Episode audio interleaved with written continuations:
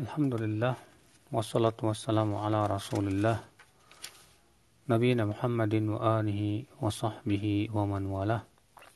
Asyhadu an la ilaha illallah wahdahu la syarikalah wa asyhadu anna Muhammadan abduhu wa rasuluh.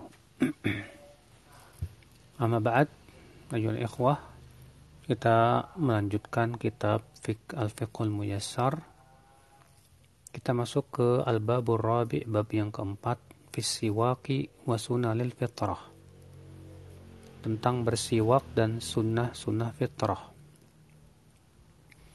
Yang akan kita bahas insyaallah pada malam hari ini adalah tentang siwak ya. Apa itu as-siwak?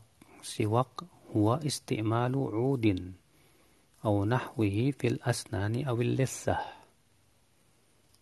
Menggunakan kayu atau semacamnya untuk gigi dan atau ya lidah. Liizalati ma ya'liqu biha bihima minal at'imah untuk menghilangkan yang menempel padanya berupa makanan dan bau-bau yang tidak enak. Jadi ini definisi siwak ya. Dan kayu yang dimaksud di sini tidak ditentukan. Selama kayu tersebut adalah kayu yang lembut tidak membuat gigi berdarah ya terluka. Namun yang paling bagus ya yaitu dari kayu arok.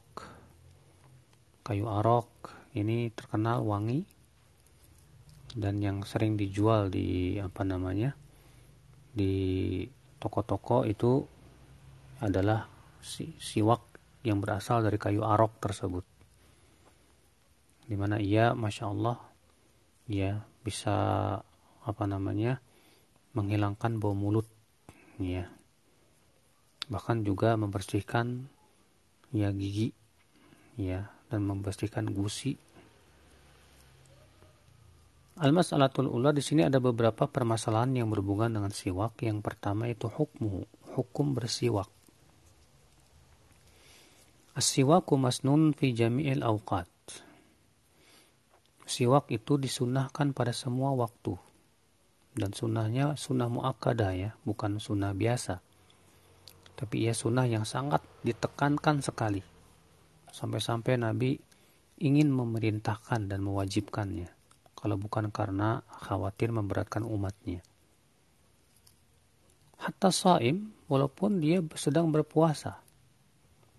Lau tasawwaka fi halis siyamihi fala ba'sa bidharik apabila ia bersiwak saat berpuasa, maka tidak apa-apa.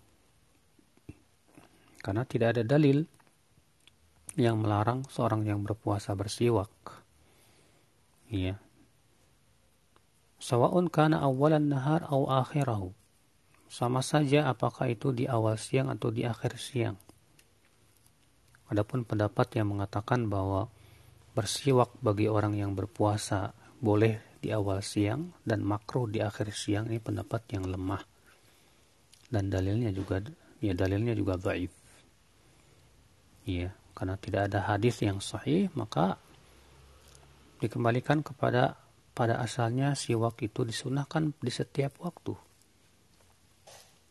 Lianna Nabi sallallahu alaihi wasallam raghaba fihi targhiban mutlaqa. Kenapa? Karena Nabi sallallahu alaihi wasallam menganjurkan bersiwak secara mutlak. Walam yuqayyidhu biwaqtin duna akhar dan Nabi tidak membatasinya dengan waktu tertentu tanpa waktu yang lain. Ya. Dan kaidah usul fikih mengatakan apa? Dalil yang mutlak ya tidak boleh diikat dengan ikatan-ikatan tertentu atau dibatasi dengan batasan-batasan tertentu kecuali dengan dalil maka dalil yang mutlak harus diamalkan ya sesuai dengan kemutlakannya. Ya keutamaan siwak itu mutlak. Waktu dari sisi waktunya kapan saja terserah. Tidak boleh dibatasi dengan waktu tertentu kecuali dengan dalil. Ya. Nabi Shallallahu Alaihi Wasallam bersabda asiwaku madharatun lil fam mardatun Siwak itu pensuci untuk mulut dan mendatangkan keriduan Allah. Subhanallah. Di sini dikeluarkan oleh Bukhari. Demikian pula Imam Ahmad dan Imam Nasai.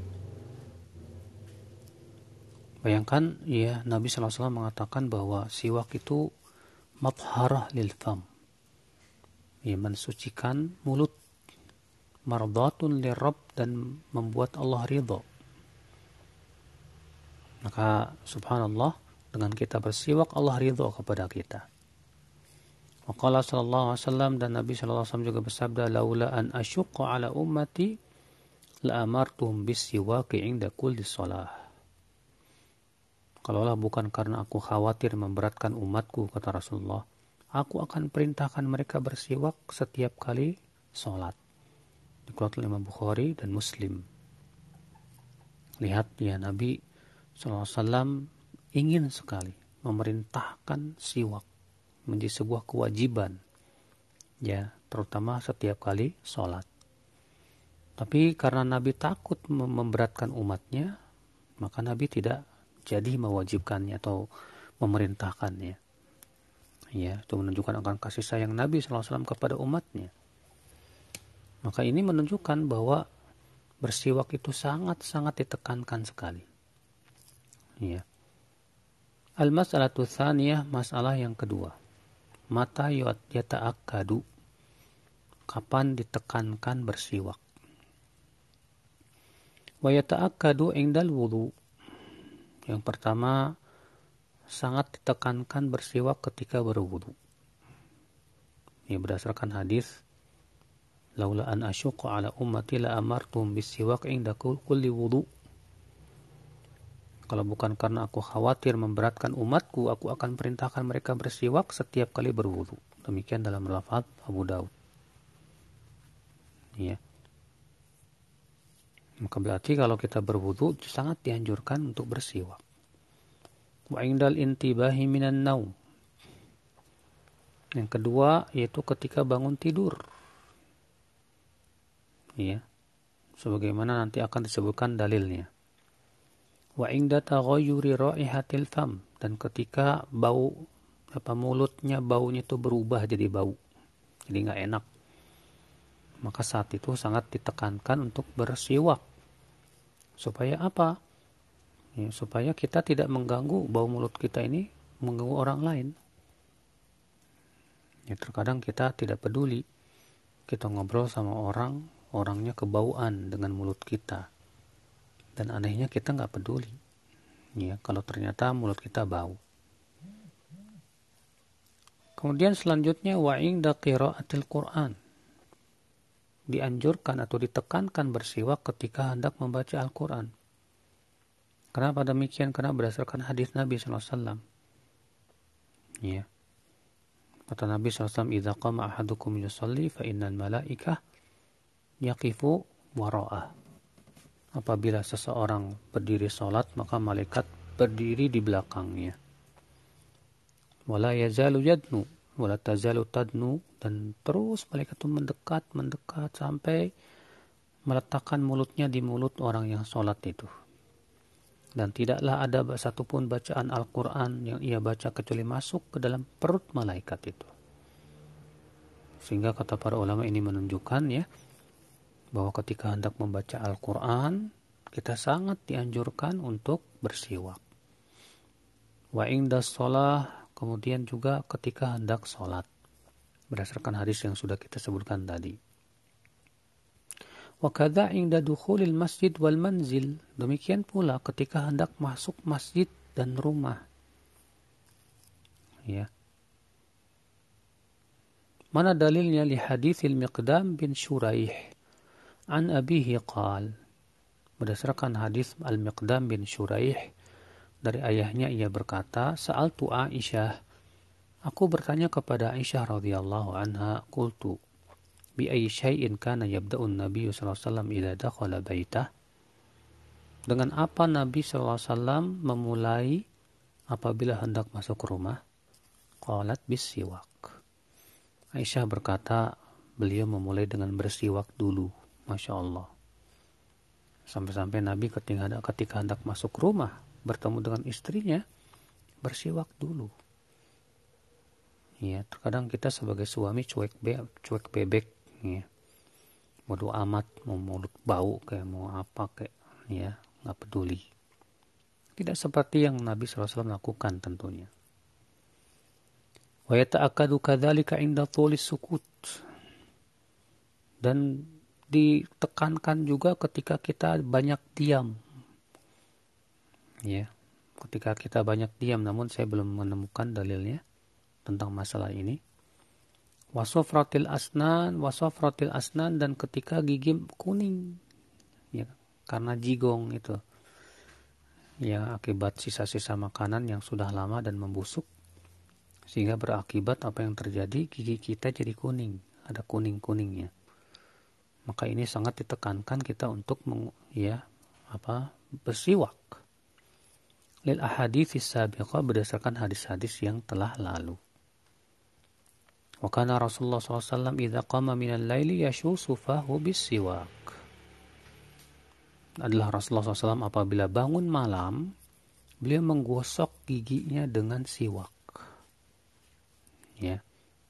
Dan ini juga ya sudah kita sebutkan tadi bahwa tempat yang sangat ditekankan untuk bersiwak itu ketika bangun dari tidur, terutama tidur malam. Wal muslimu ma'murun indal ibadati wa taqarrubi ila Allah an yakuna ala ahsani halin minan nadhafati wa taharah. Wal muslim dan seorang muslim ma'murun diperintahkan oleh siapa? Oleh Allah.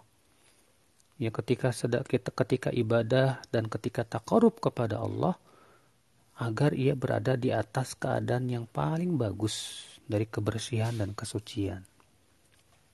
Karena masalahnya kita ya berhadapan dengan Allah. Ya, kita berhadapan dengan orang saja dalam keadaan mulut kita bau, mulut kita ya kuning, malu. Masa kepada Allah kita nggak malu?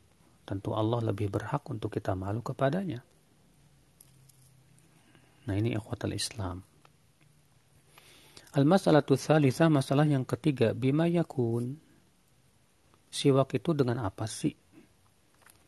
Kata beliau yusannu an yakuna tasawuku bi'udi rabbi bi'udin rabbin la yatafattat. Disunahkan si bersiwak itu dengan kayu yang basah. Ya. Dan tidak keras.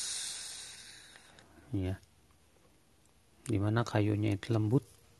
Ya, tidak tidak wala yajrahul fam. Tidak melukai mulut. Ya Fa inna Nabi SAW kana yastaku. Karena Nabi SAW bersiwak dengan apa? Bi'udin, dengan kayu itu. Bi'udi arok, itu dengan kayu arok. Kayu arok itu sebuah pohon ya. Di mana ia tumbuh di padang pasir sana. Di mana kayu arok ini Masya Allah wangi. Ya walahu an yatasawwaka biyadihi al-yumna aw al-yusra fal amru fi hadha wasi'un ia boleh bersiwak dengan tangan kanan atau tangan kiri karena masalah ini luas karena di sini beliau mengisyaratkan adanya perselisihan ulama tentang apakah bersiwak itu disunahnya pakai tangan kanan atau bersiwak itu sunahnya pakai tangan kiri Sebagian ulama mengatakan bersiwak itu dengan tangan kiri. Ini pendapat yang dirojikan oleh Syekhul Islam Taimiyah rahimahullah. Alasannya bersiwak itu untuk ya mengeluarkan kotoran. Sama halnya dengan cebok. Sehingga atas dasar itu kata beliau, kata Taimiyah, disunahkannya pakai tangan kiri. Sebagian ulama mengatakan ini disunahkannya pakai tangan kanan. Kenapa alasannya? Karena sabda Nabi SAW, asriwaku matharah lil. Siwak itu ya pensuci untuk mulut. Berarti dia termasuk bersuci. Sedangkan bersuci disyariatkan pakai tangan kanan. Ya, pakai yang kanan. Dan ini pendapat yang dirojikan oleh Ibnu Hajar al-Asqalani rahimahullah. Namun, wallahu alam yang sahih yang rajih itu dilihat keadaannya. Kalau misalnya dia bersiwak tujuannya memang hendak membersihkan mulut dari kotorannya, maka lebih baik tangan kiri. Karena saat itu dia sedang ya mengeluarkan kotoran. Tapi kalau misalnya giginya sudah bersih, lalu ia bersiwak tujuannya untuk ya lebih mengamalkan sunnah, ya maka pada waktu itu lebih baik pakai tangan kanan. Kenapa? Karena dia sebagai ya pensuci ya sehingga sama dengan bersuci nah demikian saudaraku sekalian fa illam yakun indahu 'udun yastaku bi halal wudu ajza'ahu tasawwuku bi as bi usbu'ihi apabila ia tidak memiliki ya batang kayu siwak ya ketika berwudu maka boleh ia menggosok giginya dengan jarinya. Kamaru ya dalika kamaru dzalika Ali bin Abi Thalib fi sifati wudhu'in Nabi sallallahu alaihi wasallam. Ya sebagaimana itu yang diriwayatkan oleh Ali bin Abi Thalib ya ketika menceritakan tentang sifat wudhunya Nabi sallallahu alaihi wasallam. Ya, dikeluarkan Imam Ahmad dalam musnadnya dan disahihkan oleh Ibnu Hajar dalam, dalam kitab Al-Takhir jadi kalau misalnya kita nggak dapat siwak, waduh, ya udah pakai jari aja, ya menggosok giginya itu. Tapi zaman sekarang kan ya ada yang namanya pasta gigi, ya sikat gigi. Maka yang seperti ini apakah mencukupi? Nggak masalah. Tapi selama masih ada siwak, ya tetap siwak jauh lebih utama dibandingkan sikat gigi dan odol. Kenapa? Karena ya itu yang Nabi lakukan para sahabatnya, para tabiin, para tabiun tabiin dan juga dikarenakan pada siwak itu banyak keistimewaan-keistimewaannya. Ya tentunya Allah menciptakan siwak itu pastilah ya ada sesuatu yang bagus untuk gigi, gigi kita. Al-mas'alatul rabi'ah, masalah yang keempat, fawaidus siwak faidah-faidah siwak. Apa sih faidahnya kita bersiwak? Kata penulis buku wa min ahammiha ma warada fil hadis sabiq. Yang paling penting itu yang ditunjukkan oleh hadis yang telah lalu.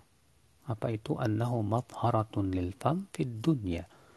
Mardatun rabbi fil akhirah.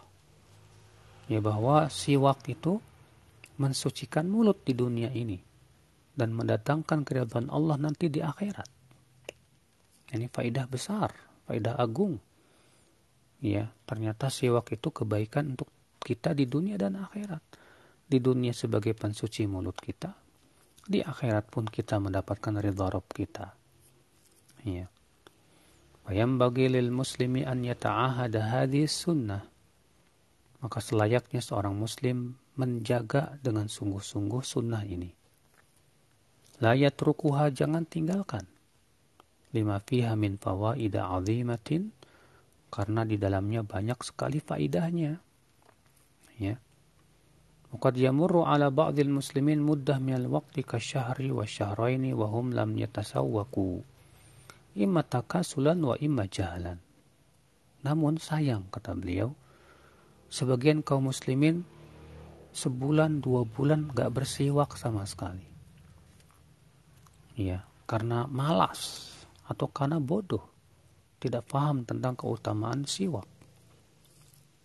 Wahaulai qad fatahumul ajrul azim wal fawaidul kathirah. Orang seperti ini telah terluput dari pahala besar dan faidah yang banyak. Bisabab tarkihim hadhihi sunnah allati kana yuhafidhu 'alaiha an-nabiy sallallahu alaihi wasallam. Disebabkan karena mereka meninggalkan sunnah yang dijaga oleh Nabi sallallahu alaihi wasallam Padahal Nabi menjaganya dengan betul-betul. Maka kita seharusnya juga mengikuti Nabi SAW menjaga siwak dengan betul-betul. Maka ada ya'muru biha ummatahu amro ijabin laula khawfal masyaqqah. Di mana Nabi SAW hampir-hampir mewajibkan siwak atas umatnya. Kalau bukan karena beliau khawatir memberatkan umatnya. Waqad dzakaru fawaida ukhra siwak dan para ulama juga menyebutkan faidah-faidah lain untuk bersiwak. Apa itu minha? Annahu yuqawwil asnan wa yashuddu litsah. Yang menguatkan gigi, mengokohkan lidah. Wa yunaqqis saut. Ya lebih membersihkan suara. Wa yunasyatul abad membuat seorang hamba itu semangat. Ya jadi siwak ini masya Allah menguatkan gigi, gigi itu jadi kuat. Ya. Demikian pula suaranya jadi bersih. Dan siwak ini ternyata juga membangkitkan semangat. Ya. Nah, faedah-faedah seperti ini tidak kita dapatkan pada sikat gigi saudaraku tentunya. Ya.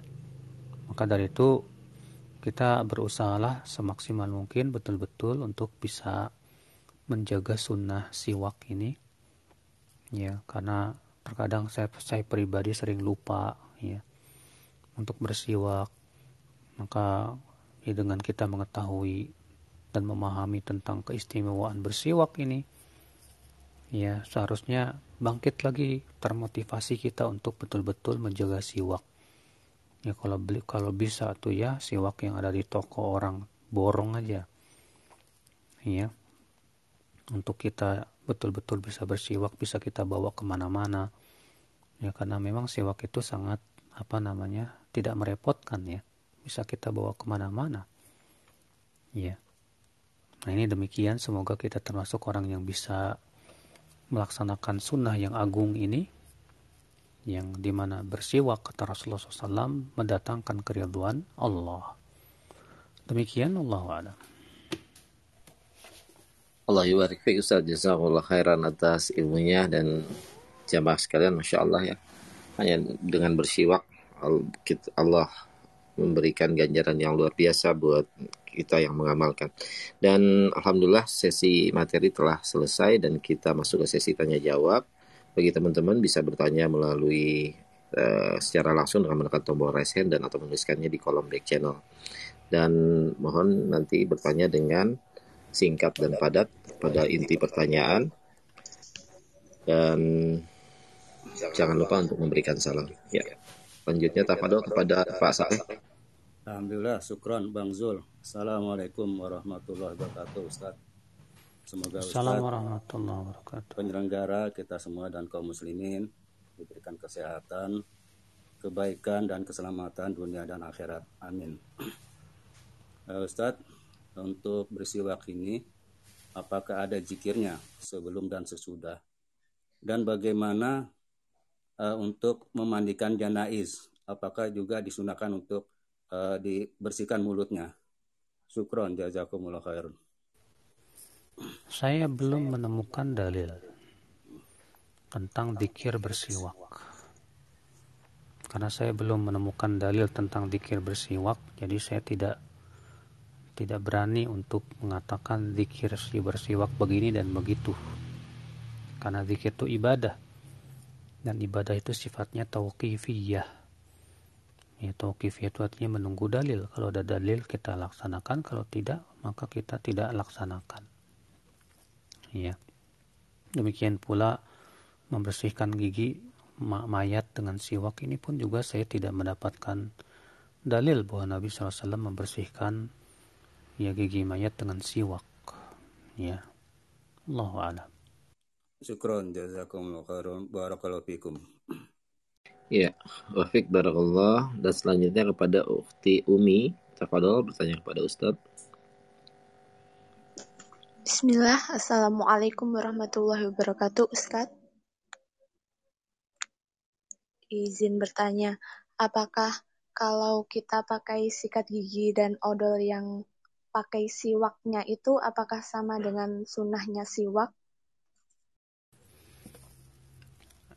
Uh, pendapat yang saya condong kepadanya bahwa siwak ya tidak bisa disamakan hukumnya dengan sikat gigi dan odol. Kenapa? Karena banyak keistimewaan yang ada pada siwak. Iya. Yang sudah kita sebutkan tadi. Tapi kalau misalnya ternyata kita tidak punya siwak, maka kita sikat gigi. Yang jelas tujuannya adalah untuk membersihkan gigi kita dan menghilangkan baunya. Iya. Tapi selama masih ada siwak dan selama kita masih bisa beli siwak, utamakan siwak. Kalau misalnya kita mau gabung antara siwak dengan sikat gigi, silahkan nggak masalah supaya lebih bersih lagi. Ya demikian, Allahu a'lam. Nah, Ustaz, syukron jazakallah khairan. Iya. Jazakallah khairan dan selanjutnya teman-teman eh, kita masih punya cukup banyak waktu untuk bersoal jawab dengan guru kita kurang lebih kita masih punya waktu sekitar 20 menitan waktu ini sangat prestisius untuk kita gunakan bersoal jawab Ustadz uh, izin membacakan pertanyaan tertulis tapi di luar tema Ustadz. Bismillah, Assalamualaikum warahmatullahi wabarakatuh. Alhamdulillah dakwah salaf sekarang sudah tersebar luas khususnya di tanah air.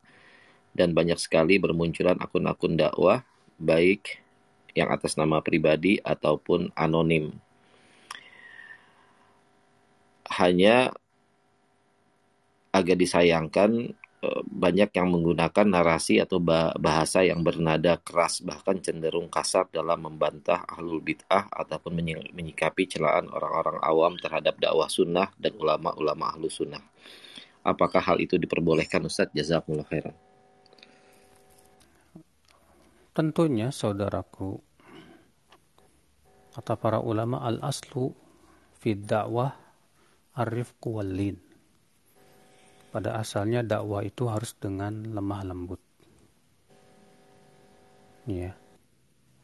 Lihat bagaimana Allah menyuruh Nabi Musa dan Nabi Harun ya, untuk menasihati Fir'aun dengan lemah lembut. Allah berfirman, "Idhaba ila fir'auna innahu tagha." Faqula lahu qawlan layyina la'allahu yatadhakkaru aw yakhsha. Pergilah kalian berdua kepada Fir'aun. Sesungguhnya ia itu telah melampaui batas, kata Allah. Dan ucapkan kepadanya dengan ucapan yang lemah lembut. Yang lembut. Ya. Mudah-mudahan ia mau ingat atau takut. Bayangkan, sekarang menjadi pertanyaannya adalah, mana yang lebih bahaya? lebih buruk maksudnya. Mana yang lebih buruk? Fir'aun atau ahlu bid'ah? Ahlu bid'ah masih beriman. Masih mengikuti sunnah apa masih mencintai Allah dan Rasulnya walaupun memang ada kesalahan pada kebidahannya itu. Ya mana yang lebih baik? Kita atau Nabi Musa? Ya tentu Nabi Musa jauh lebih baik ternyata sebaik-baiknya manusia kepada seburuk-buruknya manusia saja disuruh untuk mengucapkan kata-kata yang lembut ya. Tidak kasar ya. Lihat Rasulullah Shallallahu Alaihi Wasallam. Ketika orang Yahudi lewat lalu kemudian orang Yahudi itu mengucapkan doa ya kebinasaan untuk Rasulullah SAW apa kata orang Yahudi Assalamualaikum Kata Rasulullah apa? Wa alaik. Iya. Ketika men Aisyah mendengar, Aisyah langsung sumpah serapah dengan kasar. Wa la'nah. Ya abna al-qirodah wa khanazir. Atas kalian kematian dan laknat wahai anak-anak kera dan babi. Demikian dalam riwayat Imam Ahmad dengan lafaz seperti itu. Mendengar itu Rasulullah SAW ya berkata kepada Aisyah, "Malan ya Aisyah, nggak boleh gitu Aisyah. Inna Allah rafiqun yuhibur rifq. Sesungguhnya Allah itu lembut dan suka kelembutan. Lihat bagaimana lembutnya Al-Quran memanggil Banu Israel. Orang-orang Yahudi dipanggil dengan apa? Ya Bani Israel. Wahai anak-anak Israel. Siapa Israel? Nabi Yakub alaihissalatu wassalam. Iya, antum saja kalau dipanggil wahai anak-anak ya, wahai anak-anak uh, bangsawan, wah tersanjung. Maka dari itu cobalah kita ya mencontoh Rasulullah dan para sahabatnya dalam berdakwah. Contoh ya bagaimana Al-Quran dengan lembutnya? Yang mendakwahi orang-orang kufar. Ya terkadang ya seperti itu. Yang turun dari apa yang turun ke dakwah orang-orang yang baru kenal sunnah lagi semangat semangatnya ya. Akhirnya apa? Sikat sana sikat sini dengan kasarnya. Dan ternyata ya dia bukan seorang alim. Kebanyakan mereka para penuntut ilmu ya yang memang sedang semangat girohnya membara-bara.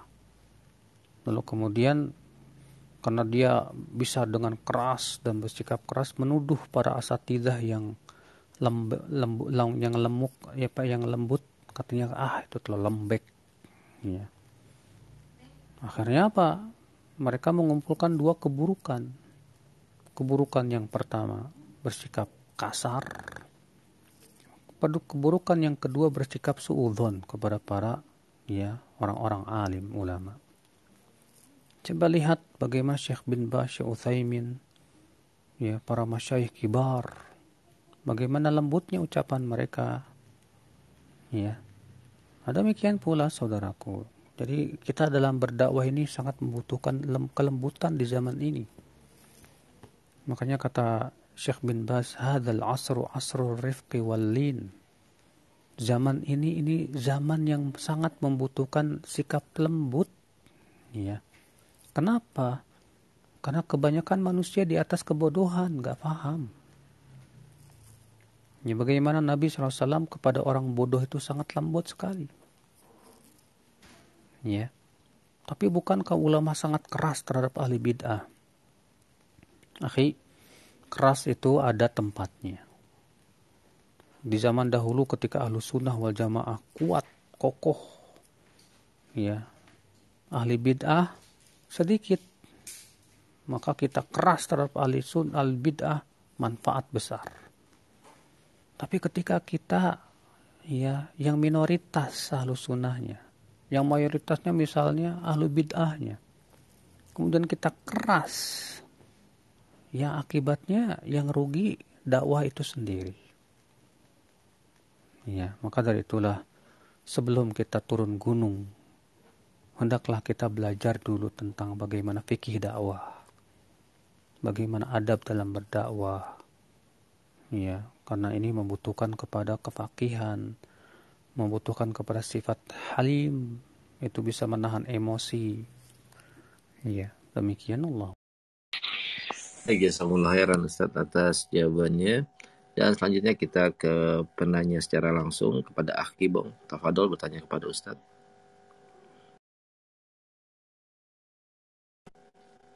Assalamualaikum warahmatullahi wabarakatuh. Ustaz, Barakallahu Fikum sama teman-teman panitia. Ustaz mau tanya tentang uh, wudhu. Uh, apakah ada keutamaan atau kelebihan pahala ya untuk kita berwudhu uh, sementara kita tahu kita masih masih suci gitu ya.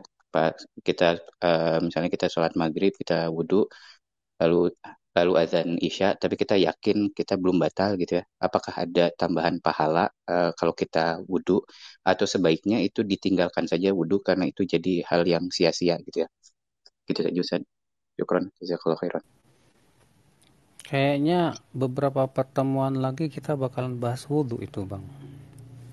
Apa perlu dibahas lagi di dibahas sekarang ya? Oh nanti berikutnya aja Ustaz. Hmm? Nah Ustaz kalau kalau ada waktu belum masuk wudhu ya Ustaz ya? Belum masuk, Pak. Beberapa nah, tinggal beberapa ini ya tinggal Bapak sabar aja ngikutin kajian kita di sini insya Allah sampai. Amin insya Allah Ustaz. Ya. Baik, Pak Kibong, Barakallahu Fikum. Dan selanjutnya kita ke beralih ke pesan singkat. Uh, Abu Fatih, apa ada penanya lewat Antum? Ada bang, ada izin. Oh, tafadol. Uh, izin menyampaikan pertanyaan Ustadz. Uh, ada pertanyaan dari Ikhwan kita di back channel. Bismillah, izin bertanya. Yang mendapatkan pahala muazin itu apakah muazin tetap ataukah yang kadang-kadang azan bisa mendapatkan pahala muazin? Syukron, jazakallah khair Ustaz. Kalau kita perhatikan hadisnya, Nabi mengatakan apa? Man adzana sintai asyrata sana. Siapa yang adzan selama 12 tahun. Berarti dia muadzin sekali-kali atau muadzin tetap? Muadzin tetap tentunya. Ya, di mana ia beradzan selama 12 tahun. Iya. Maka kata Rasulullah SAW apa? Maka ia berhak masuk surga. Iya. Masya Allah. Jadi keutamaan ini bagi siapa? Bagi mereka yang menjadi muadzin tetap. Ya, menjadi muadzin tetap di sebuah masjid. Bukan muadzin yang sekali-kali ya tetap ketika dia adzan sekali-kali itu dia tetap dapat pahala tapi disebut muadzin itu disebut muadzin kalau dia memang ditunjuk ya oleh apa DKM masjid misalnya untuk menjadi muadzin tetap di situ. Demikian. Ustaz, syukran jazakallah Ustaz. Lanjut Bang Zul. Baik, jazakallah khairan. Ustaz, Afwan terkait pertanyaan tadi Ustaz, uh, sedikit pertanyaan dari Ana penasaran Ustaz. Uh, jika seorang muazin itu qadarullah dalam perjalanannya dia menjadi muazin, misalnya lima tahun gitu terus dia meninggal dunia, apakah ada keterangan bahwa dia akan mendapatkan ganjaran se seperti dia menjadi muazin selama 12 tahun Ustaz? Ada. Itu hadis lain Nabi SAW sabda ya atwalul atwalu an-nasi a'naqan muadzinun manusia yang paling panjang lehernya pada hari kiamat itu adalah para muadzin. Di situ Nabi menyebutkan secara mutlak ya untuk para muadzin tidak menyebut tidak membatasi waktu tertentu. Demikian pula disebutkan dalam hadis man adzana ya siapa yang adzan fa innahu yukfar lahu mada sautihi akan diampuni dosanya sejauh suaranya terdengar. Artinya tidak ada satu, dalam satu riwayat yang lain tidak ada satupun yang mendengar adzan dia. Ya, baik bebatuan atau pepohonan atau yang lainnya kecuali nanti pada hari kiamat akan bersaksi untuknya. Ya, demikian. Dan banyak lagi keutamaan muadzin. Nah, nanti insya Allah kalau kita sudah masuk ke bab tentang adan kita akan sebutkan di sana ke keistimewaan-keistimewaannya. Masya Allah, Barakallahu fikum Ustaz, Jazakumullah khairan. Dan selanjutnya kita beralih ke penanya langsung kepada Ukti Sister, Tafadol langsung bertanya.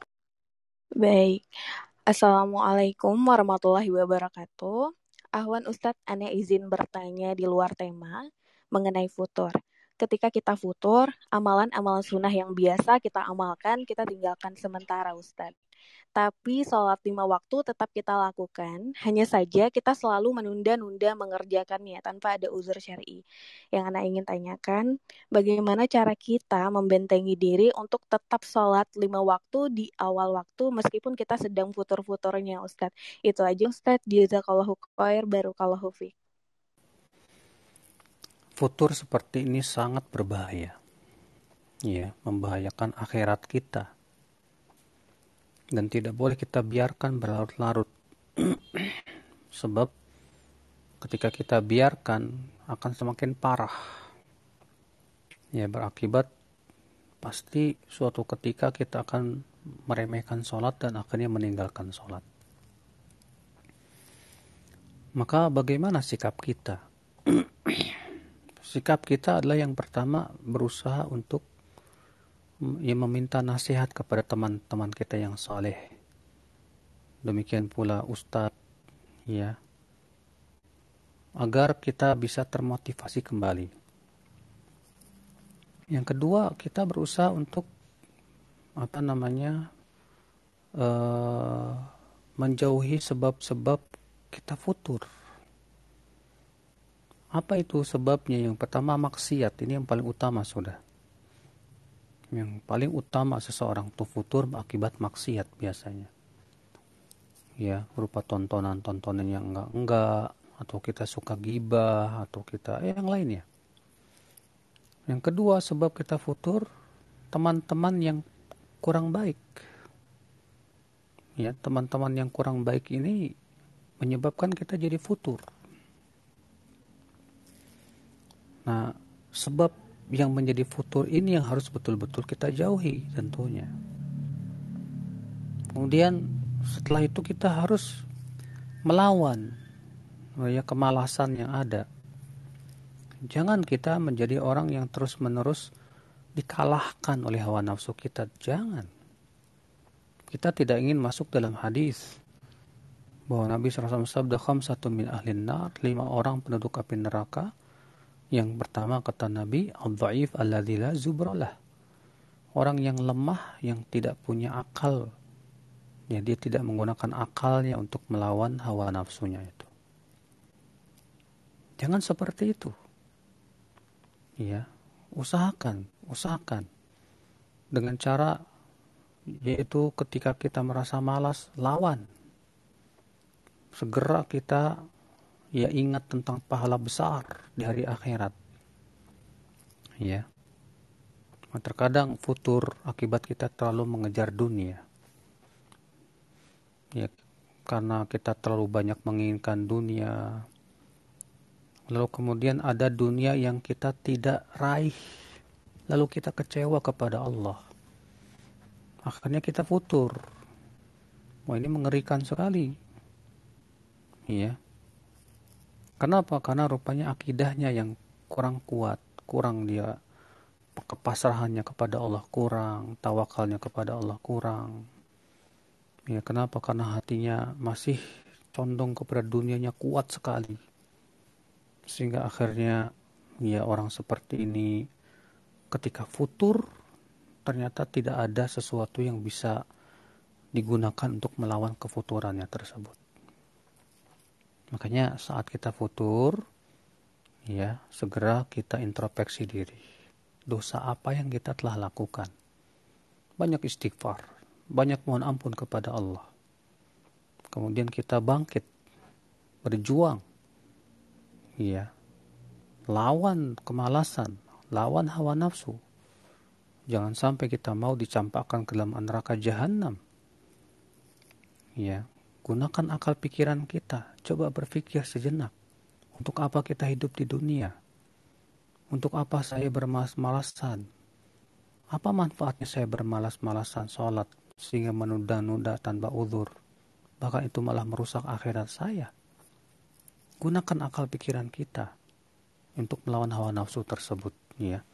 Lalu kita banyak apa memaksa diri kita untuk beribadah ya dengan cara zikir ataupun istighfar ataupun baca Al-Qur'an ya dan yang lainnya Allahu a'lam.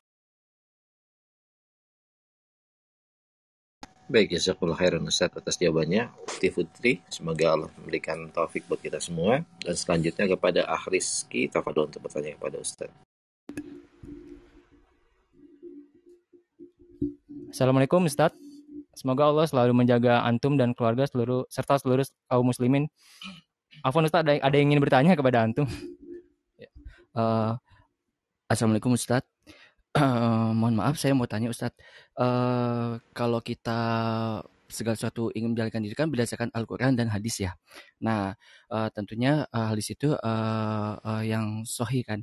Nah, yang saya yang saya mau tanyakan itu, uh, apakah boleh uh, hadis doif uh, itu untuk dijadikan motivasi?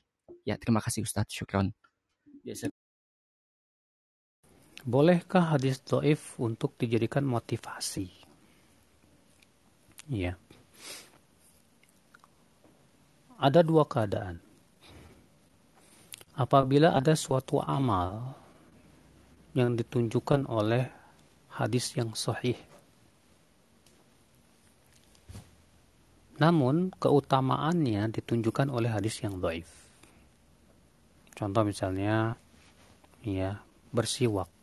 Bersiwak itu kan amalnya hadisnya sahih. Lalu kita menemukan sebuah hadis yang doif misalnya tentang keutamaan bersiwak sehingga akhirnya kita termotivasi untuk bersiwak. Maka yang seperti ini boleh, boleh, nggak masalah. Kenapa? Karena ya amalannya itu sendiri sudah ditunjukkan oleh hadis yang sahih. Ya, maka yang seperti ini tidak apa-apa. Keadaan yang kedua, kalau amal tersebut hanya berdasarkan hadis yang baik. Tidak ada satupun hadis yang sahih yang menunjukkan kepada amalan tersebut. Maka tidak boleh kita mengamalkannya. Ya. Tidak boleh kita mengamalkannya. Kenapa? Karena hadis daif yaitu hanya menimbulkan keraguan. Sementara agama kita tidak dibangun di atas keraguan. Maka Nabi SAW bersabda, Dak ma yaribuka ila ma la yaribuk. Tinggalkan apa-apa yang meragukan kepada yang tidak meragukan. Ya. Nah demikian Allah wa'ala. Baik Ustaz Jazakumullah khairan jawabannya. Ustaz izin membacakan pertanyaan tertulis lagi. Ustaz bagaimana jika kita terhalang dari sholat di awal waktu karena memang ada peraturan uh, jadwal dari jadwal bekerja di perusahaan tempat anak bekerja. Jazakumullah khairan Ustaz. Uh, pertama, sholat di awal waktu apakah hukumnya wajib? Jawab tidak. Tapi itu keutamaan. Kalau ternyata kita sudah ya uh, ketika kita masuk kerja dan kita pun juga sudah menandatangani ya kesepakatan peraturan di perusahaan bahwa ya untuk sholat zuhur misalnya ya oh, jam satu misalnya. Karena misalnya dawam kerjanya itu sampai jam 1 istirahat jam 1 misalnya dan kemudian jam 1 itu kita bisa melaksanakan secara berjamaah dengan teman-teman. Maka yang seperti ini tidak masalah tidak apa-apa. Ya kalau memang ternyata perusahaan yang memberikan peraturan ya agar sholatnya diundur sedikit waktunya. Ya, tapi kemudian setelah itu kita bisa sholat berjamaah bersama teman-teman di perusahaan tersebut. Hal seperti ini boleh, tidak apa-apa. Demikian. Allah barik fiik Ustaz. Insyaallah khairan atas ilmunya, ilmu yang sangat bermanfaat bagi kami. Dan selanjutnya kepada Uhti Suci, Tafadol, hidupkan mic-nya dan bertanya kepada Ustaz. Assalamualaikum warahmatullahi wabarakatuh Ustaz. Terima kasih atas waktunya. Semoga Ustaz dan tim selalu dalam limpahan dan lindungan Allah Subhanahu wa taala. Ustadz, Ana mau tanya. Ini minggu lalu Ana kan ada kecelakaan dan Khodarullah harus operasi sehingga bagian kaki itu diperban. Dan Khodarullah juga um, butuh waktu sekitar, dok, uh, kemarin dokter bilangnya sekitar sebulan sampai dua bulan tetap harus pakai perban dan tidak boleh terkena air. Pertanyaannya Ustadz, selama waktu itu anak kan sholat itu kayak anak itu kan karena sebentar ternyata sama dokter masih itu lama kan harus operasi kedua Nah itu sama itu jika anak terus melakukan tayamum karena ingin melindungi luka yang di kaki. Putus-putus bu. Ibu oh. soalnya putus-putus so, sinyalnya kayaknya kurang baik. Diulang lagi bu atau ditulis boleh? Tapi dicoba dulu bu, dicoba lagi coba. Oke inti pertanyaan. Sudahkah Ustadz? Belum, coba lagi. Assalamualaikum. Ya oke okay, baik. Um, anda habis kecelakaan Ustadz dan operasi bagian kaki. Um, ternyata selang waktu kemarin itu anak tayamum. Ternyata uh, dokter bilang perbannya masih belum bisa dilepas karena lukanya masih basah. Selang kurang lebih sekitar se, uh, sebulan atau sebulan lebih lah Ustaz. Selama itu jika saya sholat tayamum apa boleh Ustaz? Apa sahur sholat Ustaz? Ya pertanyaannya Baik uh, kalau memang ya yang diperbantu bagian kaki sedangkan tangannya sehat wajahnya sehat maka pada waktu itu selama kita masih bisa berwudu dengan mencuci tangan ya di mana anggota tubuh anggota wudhu lain yang sehat maka kita harus berwudu Adapun kakinya yang terluka dan diperban maka tidak perlu ya dicuci dan tidak perlu juga diusap karena hadis yang menyebutkan tentang mengusap perban itu hadisnya dhaif. Ya, jadi kita mencuci sebatas yang sehat saja. Misalnya yang diperban kakinya tapi tangannya sehat nggak apa-apa misalnya wajahnya juga rambutnya juga maka pada waktu itu apa yang kita lakukan? Ya sudah kita berwudu dengan cara mencuci wajah ya berkumur-kumur sebelumnya tentunya. Kemudian mencuci wajah kemudian mencuci kaki kemudian mengusap kepala. Adapun kakinya yang masih terbalut oleh ya perban ya maka pada waktu itu tidak di, tidak di, tidak perlu kita apa-apakan. Ya ini berdasarkan ayat Allah berfirman fattaqullaha mastafa'tum bertakwalah kepada Allah semampu kamu berarti yang mampu kita bisa cuci cucilah yang tidak mampu maka tidak perlu ya demikian jadi saudaraku ya Islam itu sangat menjaga kebersihan dan kesucian badan dan batin ya. Sampai-sampai masalah siwak ya yang berhubungan dengan masalah mulut dan gigi. Nabi sangat memperhatikannya. Ya. Nabi SAW juga menganjurkan dan menekankan umatnya untuk bersiwak. Sampai-sampai Nabi ingin mewajibkan. Kalau bukan karena Nabi khawatir memberatkan mereka. Ini menunjukkan betapa Islam sangat memperhatikan masalah kebersihan. Ya kalau gigi saja, mulut saja harus kita perhatikan kebersihan. Demikian pula yang lainnya. Maka dari itulah subhanallah ya Islam ini agama yang sangat sempurna sekali ya. Maka kita berusaha juga untuk mempraktikkan keindahan Islam itu di pada diri kita ya terutama dengan melaksanakan sunnah bersiwak ini. Semoga kita termasuk orang-orang yang diberikan oleh Allah kekuatan untuk melaksanakan sunnah Nabi Shallallahu Alaihi Wasallam. Demikian wabillahi taufiq.